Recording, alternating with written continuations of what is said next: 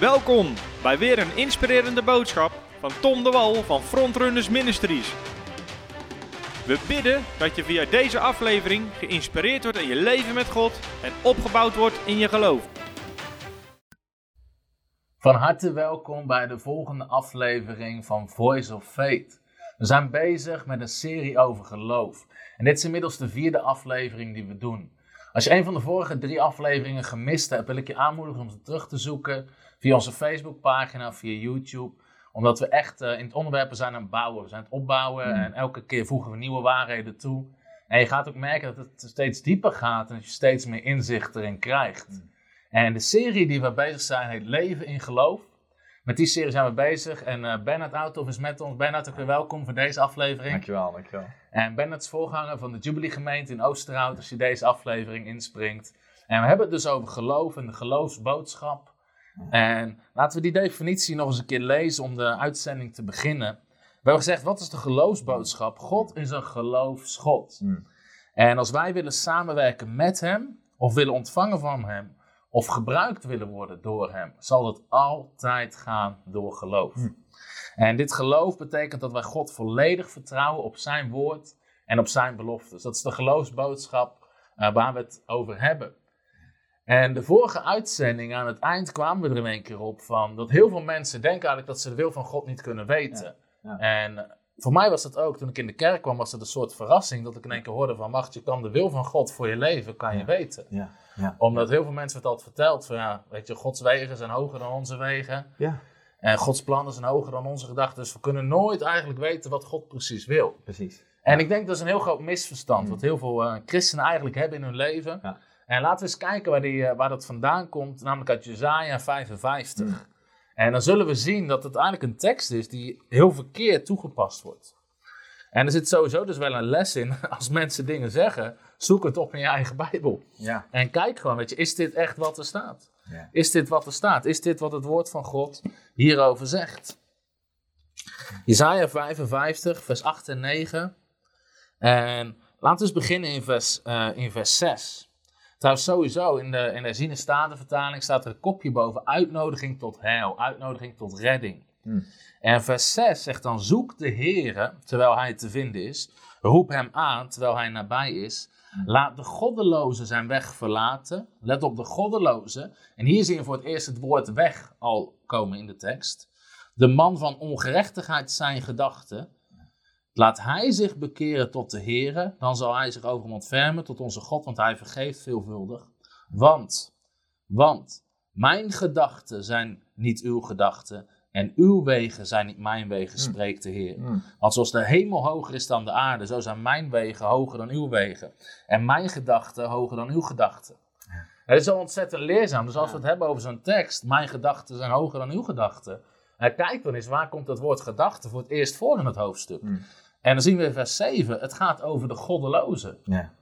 Nou, als jij geen goddeloze bent, betekent dat dat deze tekst niet op jou van toepassing is. Nee, nee. En de man van ongerechtigheid, weet je, de man van ongerechtigheid zijn gedachten. En God zegt tegen die persoon, tegen de goddeloze, de man van ongerechtigheid, Ja. weet je, verlaat jouw gedachten, verlaat jouw wegen. En eigenlijk zegt hij, kom naar mijn gedachten, Ja. kom naar mijn wegen. Ja. Dus God zegt juist, eigenlijk horen wij de gedachten en de wegen van God te kennen. Dat is het. Ik, ik denk ook vaak wat je aanhaalt, heel veel van de, de leugens die we hebben Mm. meegekregen vanuit een stuk religieuze achtergrond. Ja. Op het moment dat je de context meepakt, Ja. twee teksten ervoor, twee teksten erna, en begrijpt van waar gaat het over, Ja. kom je tot, het ware, tot, tot, een, helder, tot eigenlijk het, Mm. een, een, helder, een helderheid van wat wordt daar nou precies bedoeld. Ja. Het is zo helder, het staat er eigenlijk zo duidelijk. Ja. Het is geen hogere wiskunde. Het gaat over de goddeloze die zijn weg moet verlaten. Ja. De man van ongerechtigheid. Die zijn gedachten, die zit verkeerd in zijn gedachten. God zegt, joh, tegen die goddeloze, tegen die man van ongerechtigheid. Mijn gedachten zijn niet uw gedachten. En, en logisch. Ja. En jouw wegen zijn niet mijn wegen, spreekt de Heer. Het, het is zo helder. En het gekke is, eh, de vijand, de vijand wil niet dat wij wandelen in waarheid. Nee. Waarom is het zo? Jezus zegt, dus dat is ook Mm. het, dat is het ding. Jezus zegt, je zal de waarheid kennen. En de waarheid zal je vrijmaken. Ja. Hij zegt ook over de Heilige Geest, van Ja. de Heilige Geest zal je leiden in de volledige waarheid. Op het moment dat wij zeggen en blijven zeggen, Ja. Gods wegen zijn hoger dan onze wegen. Zijn gedachten zijn hoger dan onze gedachten. Dan matchen we niet Mm. met het boodschap die Jezus zelf geeft.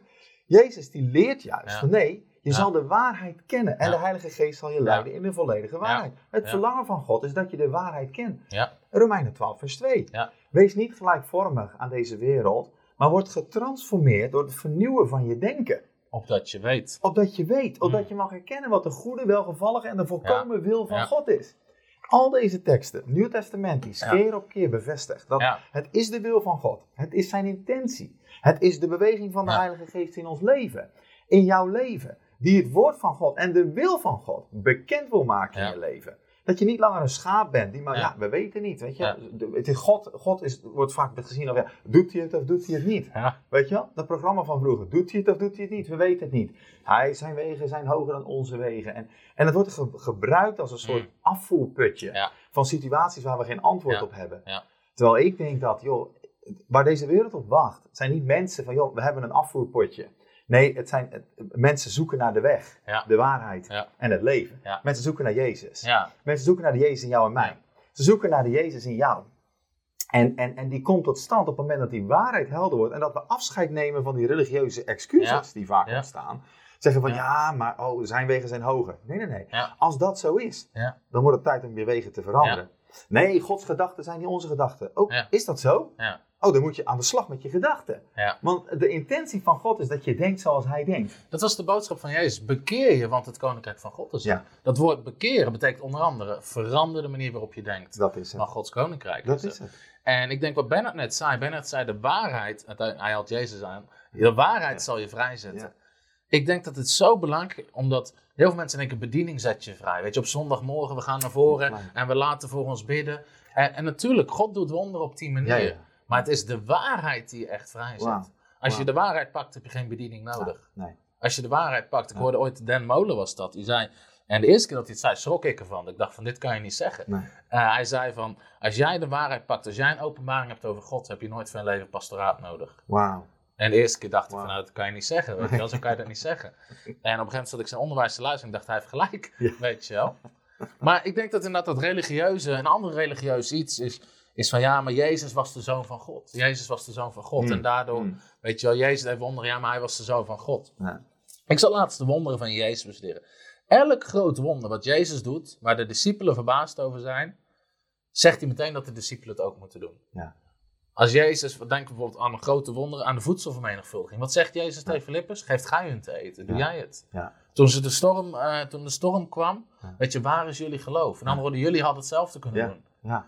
Toen Jezus de vijgenboom vervloekte in Marcus hoofdstuk 11. Ja. En dan zijn die discipelen zijn totaal ver, verraast, weet je wel. Die- Ja. Heer, de vijgenboom is vervloekt. Mm. En Jezus zegt dan niet, ja, dat komt omdat ik de zoon van God ben. Mm.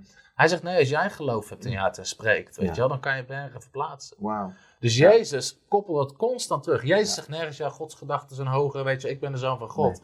Hij maakt het altijd meteen praktisch voor je leven. Dat is. En religie houdt het op afstand. Religie zegt, ja, maar Gods gedachten zijn hoger.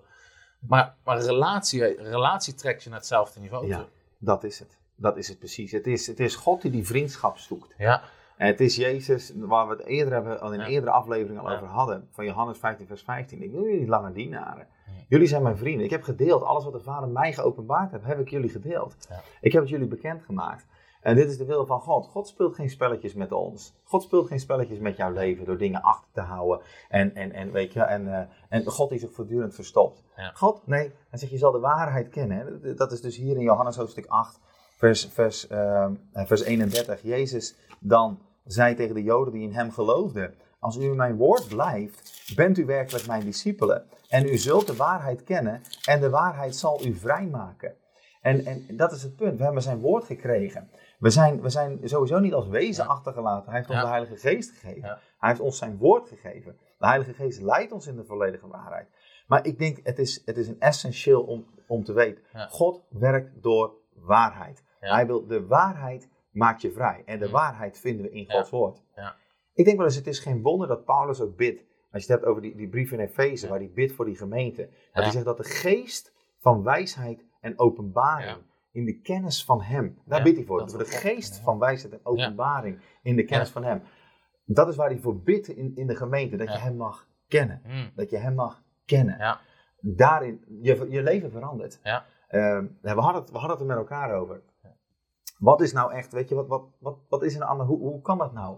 Dat de Bijbel, we kennen de Bijbel. Ik herinner me nog de tijd dat ik in de gemeente zat, in de kerk, altijd naar de kerk. Eigenlijk kende ik zo weinig Bijbel. Ja, maar eh, als een buitenstaander, een niet-gelovige, die zou zeggen, ja, maar die Bijbel die is heel belangrijk voor christenen. En die was het ook. Ja. Een heilig boek. Als je mensen zeiden, de Bijbel, oh ja, dat is het woord van God. Dat zou ik Ja. absoluut hebben gezegd. Ja. Maar be- begon niet te diep gaan over wat de Bijbel zegt of waar het zegt. Dacht ik, ho, ho, ho, we zitten niet op school, weet je waar we allemaal dingen uit ons hoofd moeten leren of zo. Maar het punt was, op de een of andere manier was het ook gesloten voor me. Hmm. Het was gesloten. Het was een soort gewoonte. Ja. Het was een traditie, het was een vorm. Wij geloven. Ja. Wij gaan naar de kerk. En weet je, en, en bij tijd en wijle, ja, en we bidden ervoor. Allemaal goede dingen. Maar er veranderde iets. Toen ik dus hoorde van, en toen ik besefte eens, ik heb de Heilige Geest nodig. Ja. Hij leidt mij in de waarheid. Ja. Toen de Heilige Geest over mijn leven kwam, in mijn leven kwam, ineens ging dat woord van God, die Bijbel, die bij mij een, een, een onderdeel was van een vorm, die kwam werkelijk tot leven. Mm. Als, ik, als het ware alsof, zoals Hebreeën 4 vers 12 zegt, het woord van God is levend en krachtig. Wow, scherper dan enig tweesnijdend zwaard. Dat het kwam tot leven en die kracht die erin zat, die begon ik eruit te halen. Wat was veranderd? Nou, de Heilige Geest. Ik had mijn hart geopend voor haar. Het is de Heilige Geest die ons leidt in een Ja. waar. En die waarheid die verandert Ja. je leven. Brengt orde Ja. in je emoties. Brengt orde in je denken. Je begint de goede, welgevallige en de volkomen wil van God te ontdekken. Romeinen 12 vers 2. Ja. En, en, en zo begin je daarin te wandelen. En je ziet de manifestatie daarvan in je leven tot stand komen. Is niet geweldig? Helemaal waar. Wauw. En wat Bernard haalt die tekst aan van Efeze 1 vers 17. In Colossense 1 vers 9 staat iets soortgelijks. En ik heb hem hier in de MBV-vertaling. En dan zegt Paulus, daarom bidden wij onophoudelijk voor u. Ja. Vanaf de dag dat we dat gehoord hebben. Mm. En we vragen dat u Gods wil ten volle mag leren kennen. Door de wijsheid en het inzicht die zijn geest u schenkt. En het mooie is, het is dus een goed gebed. Ja. Dat is een goed gebed. Ja. Het is hetzelfde als waar we in een eerdere aflevering over hadden. Joh, als je wijsheid tekort schiet, vraag om wijsheid. God geeft het aan je, Ja. zonder verwijt. Ehm, hij, hij, eh, het is een goed gebed. Eh, Ik denk de beste gebeden, dat is ook iets wat ik, Ja. wat ik door de loop Ja. van de tijd ben gaan ontdekken. De beste gebeden die je kan bidden, zijn de gebeden die je rechtstreeks kan terugvinden in het woord van God. Ja, die veranderen je leven echt. Ja. Het woord van God persoonlijk maken. Ik weet nog dat we begonnen te bidden, ook als gemeente begonnen we te bidden. Zoals dat, dat, dat stond. Ik zit hier, ik zit, ik zit hier in Filippenzen, maar in de Colossense las jij, hè? Ja. Dat je op een gegeven moment dat je het persoonlijk maakt. hè. In hoeverre maken we het woord van God Mm. persoonlijk? Mm. Want geloof begint waar de wil van God bekend Ja. is. Geloof begint waar de wil van God bekend is. Geloof in mijn leven, geloof in jouw leven. Begin Ja. daar waar we het woord van God toe-eigenen. En beseffen, dit is voor mij. Ja. God verlangt niet dat wij bij de menigte behoren. Van ja, al de mensen die in de buurt zijn van God. Nee, hij wil dat we zijn discipelen worden. Mm. Dat we die intieme kennis van hem krijgen. Ja. En op het moment dat je dan begint te lezen. eh, voor jezelf. Want daarom houden we ook niet op vanaf de dag dat we gehoord hebben. Voor u te bidden en te smeken. Dat u vervuld mag, mag worden met de kennis van zijn wil.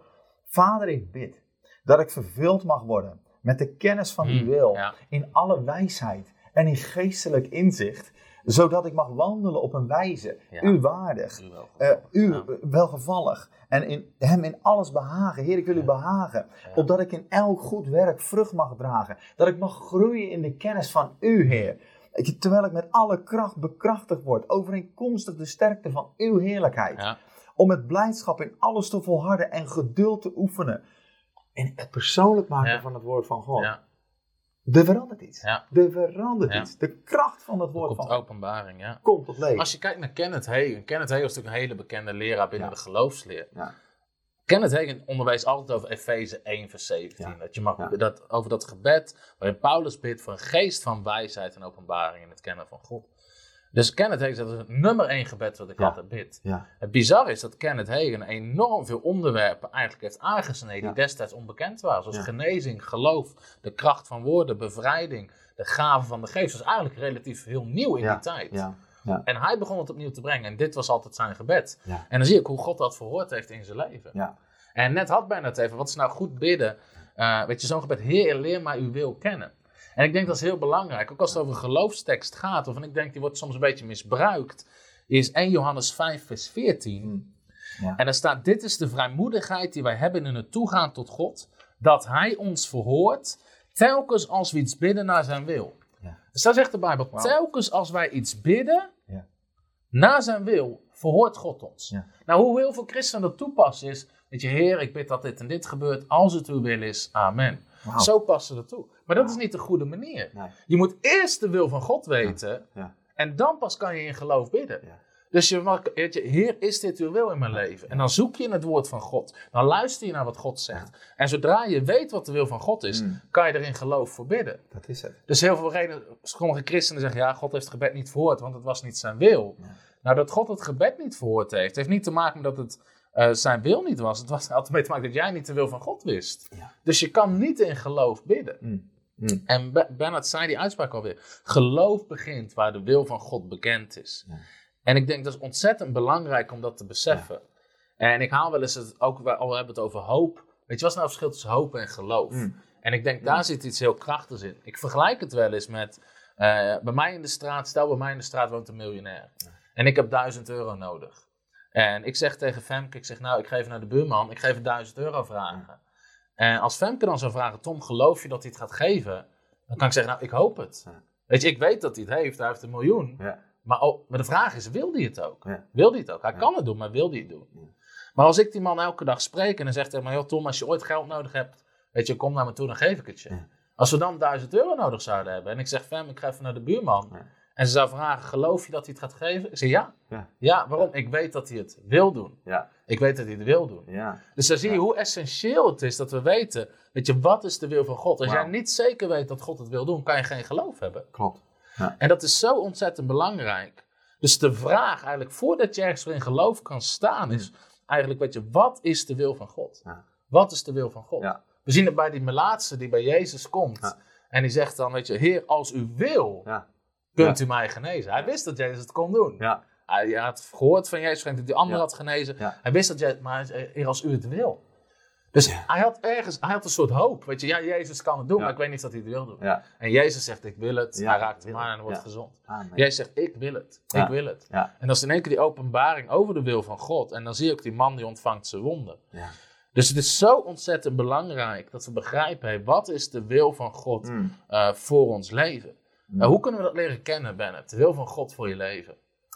Aan de wil van God voor je leven. Kijk, ik, ik denk wat heel belangrijk is, en, en, en ik denk dat iedere christen heeft de verlangen om de stem van God te verstaan. Ja. Want het is, ik, ik, en ik denk dat dat begint bij het kennen van het woord van God. Ja. Eh, ik denk dat we allemaal geroepen zijn om, om studenten te zijn van Gods Mm. woord. Hè, die discipelen. Een Ja. ander woord voor discipel zou zijn volgeling of leerling. Leerling, ja. Iemand die een houding heeft van ik wil leren. Ehm, ehm, en ik, ik denk als, wij dat, als, als, als we dat serieus oppakken, dat we werkelijk zeg maar, dat, dat het woord van God tot leven gaat komen. We zien het niet als een verplichting. Van, vroeger weet je, moest je wellicht, misschien zit je nog steeds op school. Maar, maar weet je, als je naar school was een verplichting, je moest naar school. En ook toen je jong was, ik weet nog bij ons, weet je, je moest naar de kerk. Weet je, als je nog daar zit, dan ben je niet echt die, dan ben je, ben je niet die ijverige leerling. Maar als, dat, als dit, dat verlangen in je hart daar is, je bent een kind Ja. van God, je hebt het verlangen om God te kennen. Dan begint het bij het kennen van zijn wil in Ja. het woord van God. Ja. En ik denk op het moment dat jij jezelf vult, mijn ervaring is, als op het moment dat je jezelf vult met het woord van God, vul je jezelf met het woord. Laten we wel wezen. Ja. Johannes 1 vers 1. Ja. In het begin was het woord. Ja. En het woord was bij God. En het woord was God. Het, weet je, het woord en God zijn één. Hoe meer ik investeer in het woord van God, hoe meer ik investeer in God in mijn leven. Hoe meer het woord van God in mijn hart is, hoe meer van God in mijn hart Ja. is. En ik denk dat daar, ligt, daar is zo'n Ja. essentieel onderdeel van dat woord van. We hebben niet voor Ja. niks. Het is zo'n gigantische Bijbel. Het is zo'n groot boek. Ik weet niet, ik heb aardig wat boeken. Maar uiteindelijk zijn de Bijbels zijn vaak, zijn vaak de dikste, zijn de dikste Ja. boeken. God heeft ons niet zomaar achtergelaten met, joh, nou ja, eh, kijk eens eventjes, eh, weet je. Een eh, ja, ja, weet je, nou ja, kijk eens even of je, of je misschien ergens een stem hoort of zo. En, en dat je dan een richting hebt voor je leven. Of weet je, nou, we weten Ja. niet wat de wil van God Hm. is. We weten het niet. Nee. We hebben een heel boek gekregen. Ja. En de Heilige Geest wil ons leiden om het tot leven te brengen. Het begint met het woord van God. En ik heb gemerkt, de letter dood, zegt de Bijbel. Maar de geest maakt levend. Of de geest geeft leven. Dus ik, ik heb niet alleen de letter nodig als zodanig. Ik heb nodig dat de Heilige Geest erover ademt. Zodat het iets doet in mijn hart. Het moet levend worden in mijn hart. En dat is door de Heilige Geest. Je merkt als iemand het woord van God onderwijst die daarvoor gezalfd is door de Heilige Geest, dan automatisch komt het tot leven Ja. in de hordes. Ja. Maar soms als je zelf je Bijbel leest, heb je dus nodig, dat is dan wellicht niet de atmosfeer van, van, eh, van, de, van de dienst waar je in zit, of een gezalfde Ja. prediker, alhoewel je thuis natuurlijk genoeg predikingen kunt luisteren. Maar je gaat het woord van God in. Je luistert predikingen, een belangrijk onderdeel. Maar je, je duikt het woord van God in. Wat gebeurt er? Je gaat bekend raken met de klank van zijn stem. Hmm. De, de Heilige Geest van Ja. God, die de wil van God bekend maakt, die brengt die stem van God tot leven in de mate waarin ik mezelf Ja. gevuld heb met zijn woord. En dan op het moment dat ik in een situatie van mijn leven wil weten, oh heren, eh, deze baan, of weet je, met mijn kinderen, van hoe moeten we hiermee omgaan, Eh, weet je, met bepaalde situaties. Ik weet niet of je kinderen hebt, maar zo- zoals ik al eerder zei, ik, ik heb vijf kinderen. En, en, en elk kind is weer anders, je hebt weer wijsheid nodig. Ehm, ehm, zoveel situaties in mijn leven, ik kan op dat moment niet zeggen, oh ja, maar hier staat dat ik je moet er zo mee omgaan. Of, eh, nee, Ze moeten naar Weet- school. eh, ze moeten naar die school, inderdaad. Of als ze 12 jaar oud zijn, nou, dan moet je er zo mee omgaan. Wijze van spreken. Ehm, ik denk op meerdere, meerdere, meerdere manieren dat God spreekt. Ehm, en dat de wil van God bekend wordt. Ja. Maar het belangrijke daarin is, als wij, als wij de klank van het woord van God kennen, dan herkennen wij de klank van zijn stem als hij spreekt in vaak die zachte stem in ons binnenstem. Dat is een belangrijke. Ik denk het tweede waardoor de wil van God heel erg bekend wordt in ons leven, is door het profetische woord. Ja. Een heel belangrijk aspect. Profetische bediening. Profetische bediening. Zo Ja. belangrijk. eh, waar Efeze 4 vers 11 over spreekt. Gewoon de apostelen, Ja. profeten, leraren, herders, Ja. evangelisten. We hebben deze bedieningen hebben we nodig. God, ze zijn er nog steeds. Ja. En je hebt ze nodig in je leven. Ja. Veel mensen, ook uit traditionele achtergrond, zijn helemaal Ja. niet bekend ook met de profetische bediening. Maar wat is het toch geweldig? Wat is het een zegen geweest ook in mijn leven? De zuivere profetische bediening. Die gewoon de wil van God bekend maakt. Die begint te profiteren, zo spreekt de Heer. Of misschien niet eens in die vorm, maar in ieder geval gebruikt Ja. wordt door God om de wil van God bekend te maken. En op die manier leer je, wat is Ja. de wil van God voor mijn leven? Ja. En misschien nog wel een derde, ook niet onbelangrijk, is ik heb gemerkt dat God spreekt ook door anderen Ja. tot jou. Dus je hebt dus, en dan bedoel ik niet eens de profetische bediening, maar God zal ook mensen in jouw leven brengen, raadgevers, die je raad zullen geven Ja. wat een goede vrucht. Denk aan Mozes. Ja. Mozes was een man, hij sprak tot, hij, hij, hij sprak een heel, had een close relatie met God. Ik bedoel, als je zegt, Mozes zou toch niet willen zeggen van, joh, eh, ik geef jou raad of zo. Hij ging de berg op, de tegenwoordigheid van God vulde die berg. Hij sprak, van, hij sprak gewoon met God, hij was gewoon één op één met. God.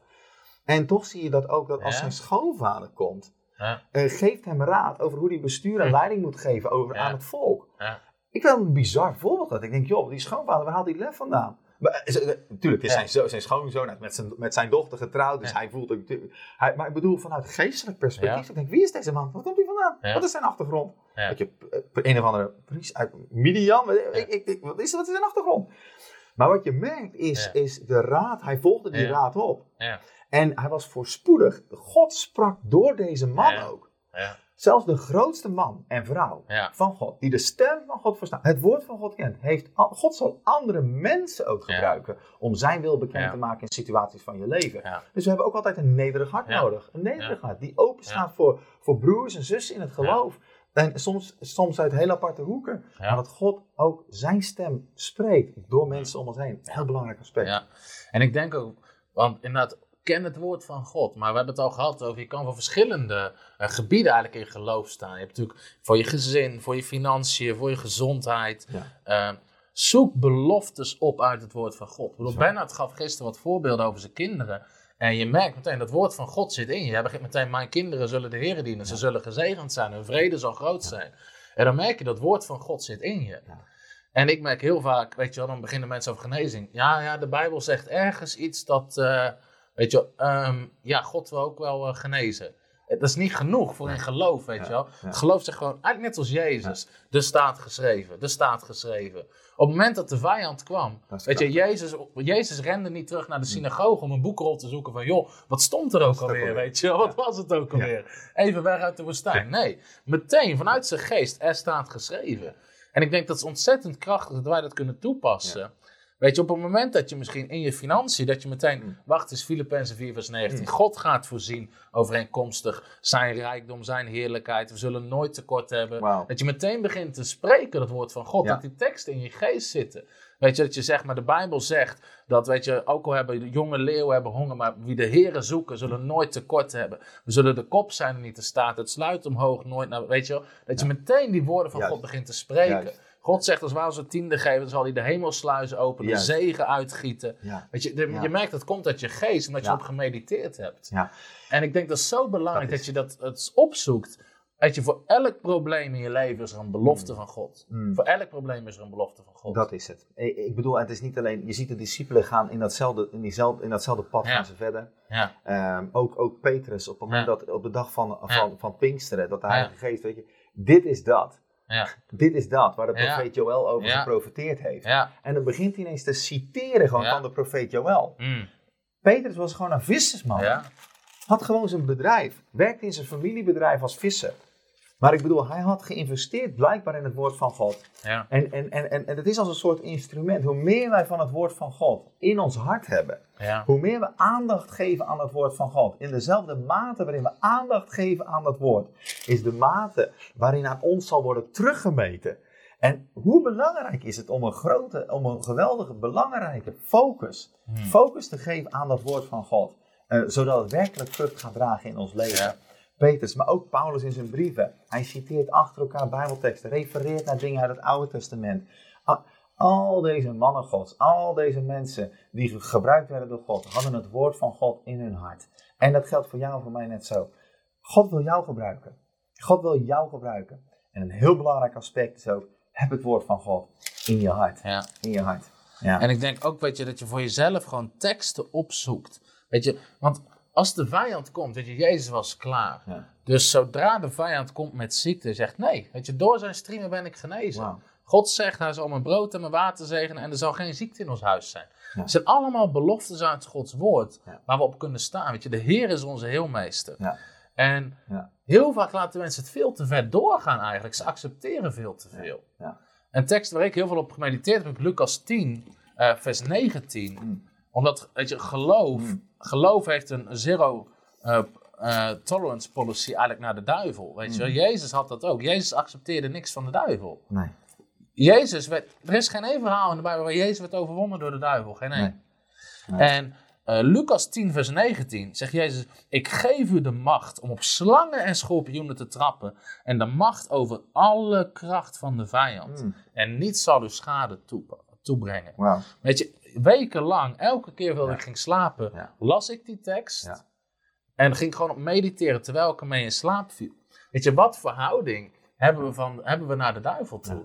En als je het weet, weet je wel, God heeft mij autoriteit en kracht gegeven om op slangen en schorpioenen te Mm. trappen. Weet je, niets. Hij zegt niets. Over alle kracht van de vijand. En niets zal je schaden. Zodra de duivel komt met een aanval in je financiën of in je, in, in je lichaam. Zegt, hé, hey, wacht eens, niets zal mij schaden. Weet je, ik, ik weer dat af. Ja. Van Smit Wigglesworth is er een verhaal dat hij wakker wordt en hij ziet de duivel naast zijn bed staan. Mm. Hij zegt, oh ben jij het? Hij draait zich om en slaapt verder. Mm. Ja. Weet, je, heel, weet je, heel veel mensen zouden geïntimideerd zijn. Ja. Ja. En Ja. weet je, maar wat is onze houding? Heel veel christenen zijn zo bang, oeh de duivel, de duivel. Weet je, de duivel hoort bang te zijn voor ons. Ja. De duivel hoort bang te zijn voor ons. Ja. Ja. Ik heb ooit dit verhaal gehoord van, een, van ik weet niet of, of het verhaal echt was, maar het was een, iemand vertelde een verhaal over een prediker die, die sliep en s'nachts, midden in de nacht, weet je, zijn bed wordt van de muur gerukt. Hij wordt wakker, weet je, en de, en de duivel staat daar. In zijn kamer, zijn bed van de muur gerukt en hij zegt, ga weg in Jezus' naam. En de duivel gaat weg en hij kijkt naar zijn bed. Hij zegt, kom terug en zet mijn bed terug. Weet je, dat is de houding die we moeten hebben, weet je. We accepteren het niet wat hij doet. Weet je, de Bijbel zegt, hij is een dief. Ja. Hij is een dief. Hij is. Johannes 8, vers 44, hij is een mensenmoordenaar vanaf het begin. Mm. Mm. En dat is ook heel belangrijk, denk ik, voor geloof. Wat komt van God en wat komt niet van God? Wauw. Want heel veel mensen zeggen, ja, maar alles komt van God. Nee, Ja, niet alles komt van God. Nee, nee, nee. nee, De. Bijbel leert dat je de duivel is een dief. Johannes 10, vers 10. Hij komt om te roven, te stelen en te vernietigen. Als er in je leven geroofd wordt, gestolen wordt, vernietigd wordt, is het niet van God. Dat is niet God. Dat is niet van God. Nee, dat is niet God. En, en eh, je hoeft dat ook niet te accepteren. Alleen je moet weten, wat is je autoriteit? En het is een heel simpel voorbeeld. Het blijft een, een grappig verhaal, omdat toen ik nog thuis woonde, eh, we hadden, ik had een mountainbike en mijn broer die had mijn mountainbike geleend. Ja. Die ging naar zijn vriendin toe en die mountainbike werd daar gestolen. Maar dat was mijn mountainbike. Ja. Dus hij belde me op en zei, Tom, joh, die mountainbike is gestolen. En, eh, en ik wist, weet je wel, de Bijbel zegt in Efeze 6, we strijden niet tegen vlees en bloed, weet je wel. En, ik, en ik wist zeker, nou, degene die de fiets heeft gestolen, werd niet geïnspireerd door God. Weet je wel, lezen we niet in de Bijbel dat mensen geïnspireerd worden om, om fietsen te stelen. Nee. Dus ik ging naar mijn kamer En ik zeg, weet je, duivel, je bent een dief. Dit, dit is van mij. Weet je, dat was mijn eigendom. Mm. Ik zeg, je betaalt die fiets terug. Mm. In de naam van Jezus Christus. En, en weet je, ik weet nog dat ik tegen mijn ouders zeg, ik zeg, ik ga bidden voor een nieuwe fiets. Ik krijg een nieuwe fiets. Weet je, en dat is altijd standaard grapje. Ja, als je bidt voor een fiets, dat geeft God niet. Hij is geen Sinterklaas. God is veel beter dan Sinterklaas. En ik ging bidden voor een fiets. Drie weken later kom ik bij de kerk en er komt iemand die zegt, joh, ben je aan het bidden voor een fiets? Ik zeg, ja. Hij trekt zijn bus open, haalt er een nieuwe mountainbike uit. Geef mij een nieuwe mountainbike. Weet je, en, en ik kreeg letterlijk een nieuwe Ja. mountainbike. Ja. Maar ik accepteerde niet. Nee.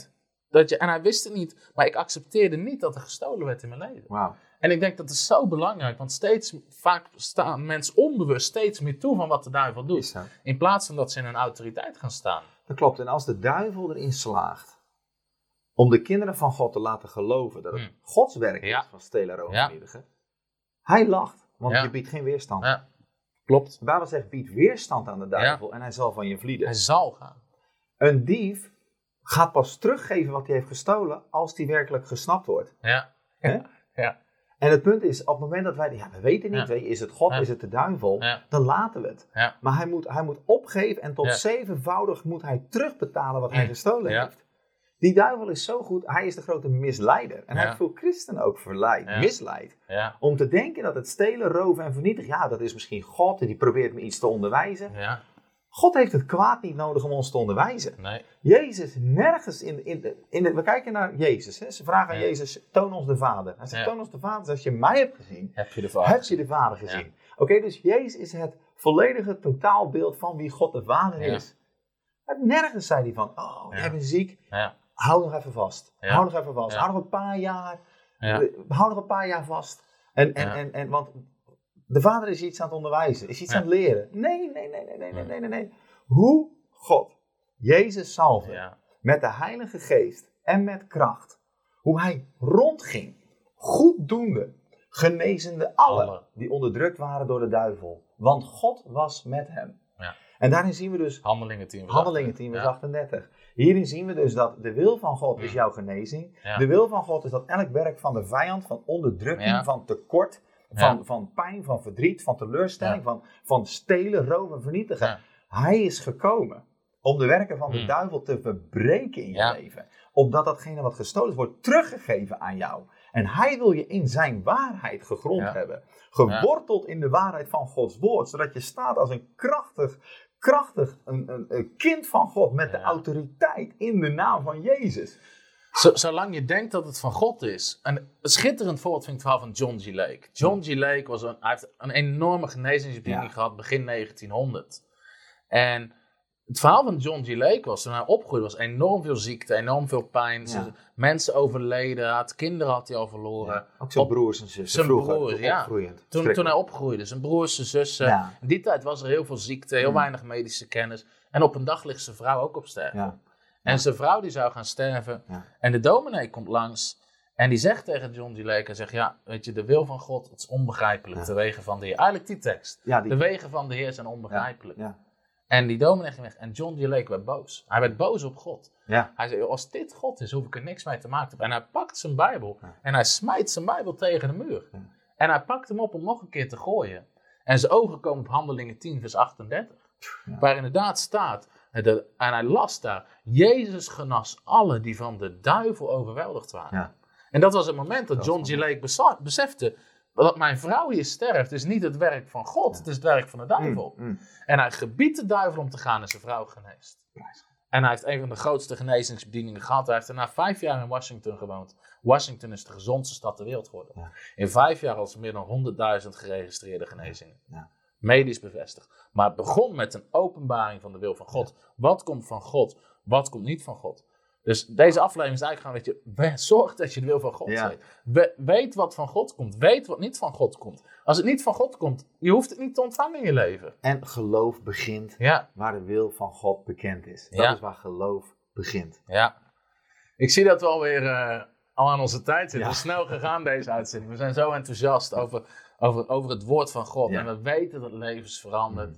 En we bidden ook echt dat het jouw leven, dat Ja. deze waarheid uit Gods woord, Ja. dat het jouw leven verandert. Ja. Dat God jou geeft, die geest van kennis en wijsheid en openbaring Ja. in het kennen van Hem. En dat het je leven volledig zal transformeren. God zegen. God zegen. Amen. Hallo, Tom de Wol hier en bedankt dat je weer geluisterd hebt naar onze podcast. Ik bid dat het je geloof gebouwd heeft en je bemoedigd bent. Als je niet alleen een luisteraar van onze boodschap wil zijn, maar ook een verspreider daarvan, wil ik je uitnodigen om partner te worden van Frontrunners. Door jouw maandelijkse donatie help je ons om dit evangelie van Jezus Christus en het woord van God over heel de aarde te brengen. Om partner te worden, ga naar www.frontrunnersministries.nl slash partners en word partner. Hartelijk bedankt en tot snel.